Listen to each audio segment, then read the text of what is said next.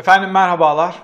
Sadece şehir rantını artırabilmek için, tıkanan, tükenen müteahhitlerin önünü açabilmek için, İstanbul'u farklı bir açıdan tekrar nakite çevirebilmek için hiçbir stratejik önemi olmayan, deprem bekleyen bir ülkede büyük riskler barındıran, listeyi çok daha uzatabilirim, saçma sapan bir proje olan Kanal İstanbul'u Danıştay reddetti. Redde Şöyle bir gerekçe de açıklamış. İtiraza kapalı. Buna itiraz edilme ihtimali yok. Yani Kanal İstanbul projesi gömüldü. Üstüne de beton atıldı. O müteahhitler artık oraya vaat edip arsa aldırttıkları, onlara yatırım yaptırttıkları başta Katarlı önemli aileler olmak üzere, başta Katarlı önemli aileler ve damat ve ailesi olmak üzere o dağlara, taşlara para yatıranlara artık yeni bir proje yapmak zorunda kalacaklar. Bunun ni Kanal İstanbul elde ettim. Yani bunu böyle gizemli bir şekilde söylemek istemiyorum aslında. Çok kötü oldu cümlenin girişi.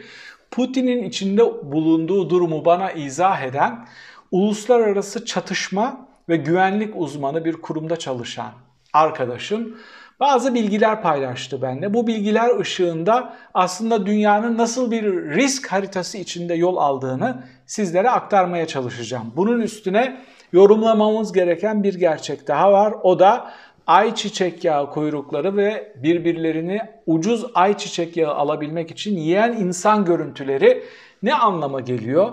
Tüm bu konular ve daha fazlasını özetliyorum.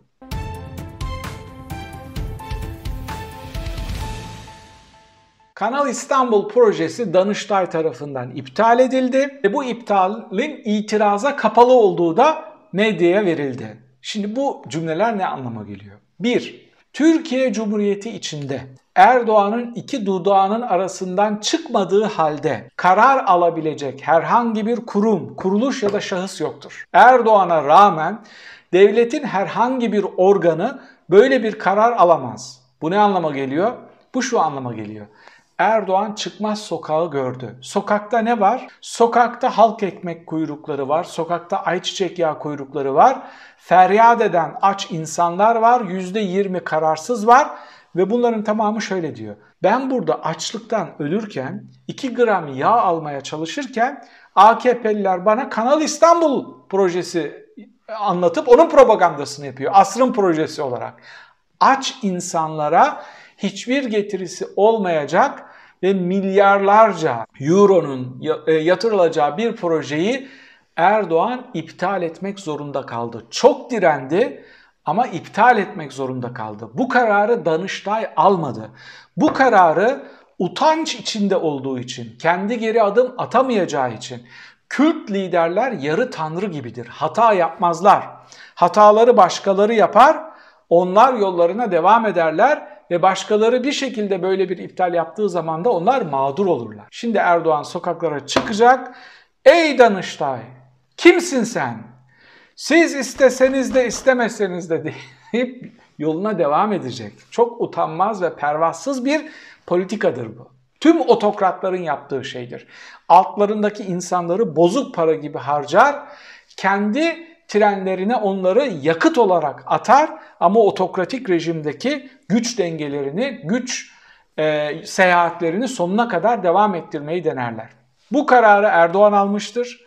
Kendi çıkıp bunu söyleyemeyeceği için, bir hesap hatası olduğu için, yarı tanrı gibi hareket eden otokrat liderler hatadan münezzeh oldukları için bu kararı Danıştay'a aldırtmıştır. Bundan en ufak bir şüphem yok, bilgim yok tabii ama bir iyi kötü siyaseti bilen biri için Türkiye'de Erdoğan'a rağmen karar alacak bir kurum olmadığını bildiğimiz için bu fotoğrafın bu şekilde geliştiğini adım gibi biliyor ya da tahmin edebiliyorum.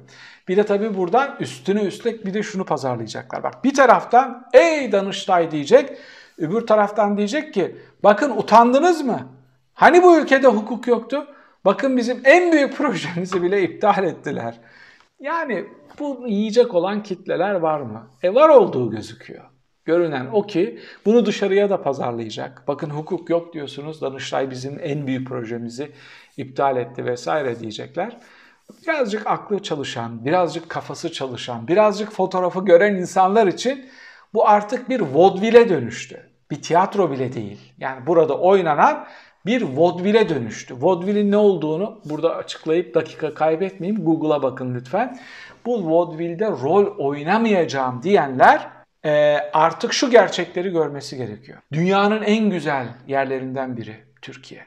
Bunu bakın zerre milliyetçilik duygusu olmayan biri olarak söylüyorum. Ve dünyada 50'ye yakın ülkeye, 40'tan çok daha fazla ülkeye gitmiş biri olarak söylüyorum. Dünyanın en güzel yerlerinden biri Türkiye, coğrafi olarak.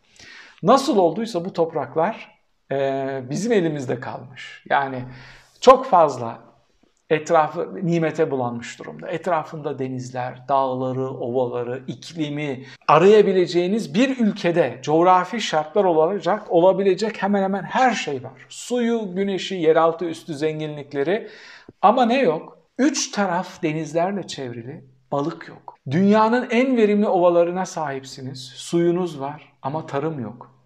Harikulade kıraçlar var, otlaklar var ama hayvancılık yok. Şimdi ne oldu? Ayçiçek yağı krizinin patladığı, halk ekmek kuyruklarının vuku bulduğu, üstüne üstlük savaş çıktığı için çok strateji yoksunu bir şekilde tek kalemde Ukrayna ve Rusya dışında neredeyse ithalat yapmadıkları için her iki tedarikçi ülkede patladığı için bu krizlerin, bu kuyrukların çok daha büyüyeceği için ne yaptılar? Tarım Bakanı'nın affını istettiler. Tarım Bakanı'nın haberi bile yok görevden alındığında. Bir bakıyor affını istemiş. İyi sen sen bilmiyorsun dediler Tarım Bakanı'na Pakdemirli'ye. Senin affını istemen gerekiyor. Neden? Çünkü bu suçu yıkacağımız bir adres lazım. Bu çöküşü bir şekilde izah etmemiz lazım. Bu Tarım Bakanı o kadar kötüydü ki bakın bir önce Danıştay'ı yedik değil mi? Şimdi Tarım Bakanı. Bu Tarım Bakanı o kadar kötüydü ki ya adam ayçiçeği de bitirdi, orman yangınlarını da söndüremedi, buğdayı da tedarik edemedi. Yeniden başlıyoruz. Sıfır, sil. Bu kareyi verebilmek için Tarım Bakanı'nı görevden aldılar. Neden? Çünkü Türkiye'de tarım bitmiş durumda. Çünkü çiftçiler gübre bile alamayacak durumda. Çünkü Türkiye üretemeyen bir ülke ve en ucuza uyguna tedarik yaptığı ülkelerde de savaş çıkınca Erdoğan'a bir kurban daha gerekiyordu. O da Tarım Bakanı oldu. Finans kötü mü gidiyor? Hazineyi görevden al. Merkez Bankası'nı görevden al. Tarım mı kötü gidiyor? Bakanı görevden al. Adalette itirazlar mı yükseldi ya da emirleriniz yerince hızlı şekilde vuku bulmuyor mu? Oradaki bakanı göreve al. Artık ne diyorum ben size? Hiçbirimiz bakanların adını bile bilmiyoruz. Belki 20 tane bakan var. 4 tanesinin ismini ya sayabiliriz ya sayamayız. Günlük Türkiye siyasetini yorumlayan biri olarak söylüyorum. Öğrenmeyeceğim de. Neden? Çünkü onlar aktör değil. Onlar karar alıcı değil. Onlar etkisiz eleman. Onlar sadece başarısızlık vuku bulduğunda görevden alınması, üstünde tepinilmesi, kirletilmiş bir mendil gibi atılması gereken insanlar. Başka hiçbir değerleri yok. Bunu kabul edip göreve başlayan bir adamın adını neden öğreneyim? Neden onun üstüne yorum yapayım? Bakın CHP geçmişte neyle dövüyordu? Bütün sağ partiler CHP'yi. Ekmeği bunlar karneyle verdi diyorlardı değil mi? Bakın o gün Türkiye'nin yeterince buğdayı vardı. İkinci Dünya Savaşı süresince tedbiren, tedbiren buğdayı kısıtlı kullandırdılar. Tüm dünya açlık çekerken biz de kıtlık olsun ama açlık olmasın. Çünkü tedarik yapamıyorsun. Zaten satın alma ihtimalin yok. O zaman Türkiye'nin dövizi bile yok. Birçok ülkenin dövizi yok. Üretim ağları bu kadar gelişmemiş. Birazcık kurak mı gitti bu sene? Ölçüyorsun, biçiyorsun. Buğdayı kısıtlı kullanacağız ki açlıktan ölen olmasın. Onun için ekmek karneyle verildi. Adalet Partisi iktidarı dönemlerinde de tüm dünyada petrol krizi vardı. Araplar şarteli indirdi. Petrol satmıyoruz dediler İsrail krizinden dolayı. Ve dediler ki işte büyük bir dalgalanma oldu. Tüm dünya ekonomileri sarsıldı. O dönemde de Türkiye'de tüp gaz kuyrukları başladı ve işte bazı sanayi kuyrukları yani petrolün dokunduğu ettiği sektörlerde bazı kuyruklar başladı. Şimdi bakın bunların izahları var. O dönemki ekonomiler vesaireler 21. yüzyıldayız. Türkiye'de insanlar halk ekmek kuyruklarında saatlerce bekliyor. Türkiye buğday krizi yaşar mı yaşamaz mı bu tartışılıyor. 3 kuruş daha ucuz diye insanlar birbirini ezerek ayçiçek yağı satın almaya çalışıyor. 21. yüzyılda AKP bu kuyruklarla anılacak. Uluslararası çatışmaları ölçen bir e, kuruluşta, bir kurumda çalışan bir arkadaşımla görüştüğümü söylemiştim. Öncelikle şunu söyledi, beni şaşırtan bir bilgi. Çok büyük şirketlerin kendilerini arayarak Ukrayna Savaşı'nın bir dünya savaşına evrilme ihtimali, bölgesel bir savaşa evrilme ihtimali üstüne risk analizleri hesaplamalarını onlardan istediklerini ve sipariş verdiklerini söyledi. Yani durum bu kadar ciddi. Bu çatışmanın gidebileceği yer bu kadar ciddi. Neden bu kadar ciddi? Şundan dolayı şunu söylüyor bu uzman arkadaşım. Diyor ki o kadar hesapsızca Ukrayna'ya girdi ki, o kadar kötü bir hamleyle girdi ki ve bu kadar büyük tepki alacağını, bu kadar büyük bir direniş gö- göreceğini hesaplamadığı için tam bir bataklığa saplanmış durumda. Bu bataklıktan çıkabilmesi için çok daha büyük riskler alması, çok daha büyük katliamlar yapması, çok daha çirkin saldırılar yapması gerekiyor. Beklediğimiz şey bu.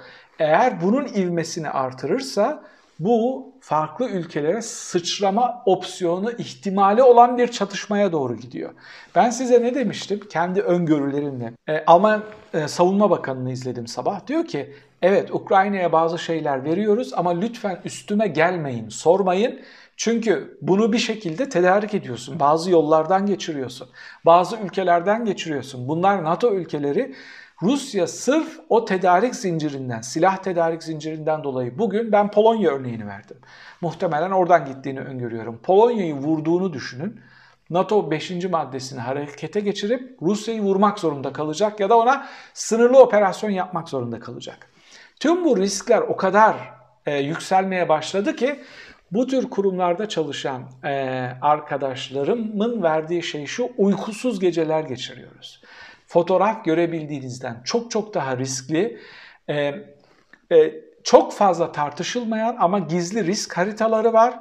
Onlar şayet tetiklenirse bir domino etkisi yapabileceğini açıkçası bana detaylı bir şekilde anlattı. Bu fotoğraf e, beni de ürkütüyor. Onun için çok güçlü bir şekilde barıştan yana cephe almamız, barıştan yana tavır almamız gerekiyor. Ama demeden, ama demeden bu süreci baskıyla, yaptırımlarla durdurmamız gerekiyor. Onun için, onun için bakın bunu görebilen Ruslar 15 sene hapisi göze alarak barış yanlısı Ruslar Moskova'da sokaklara çıkıyor.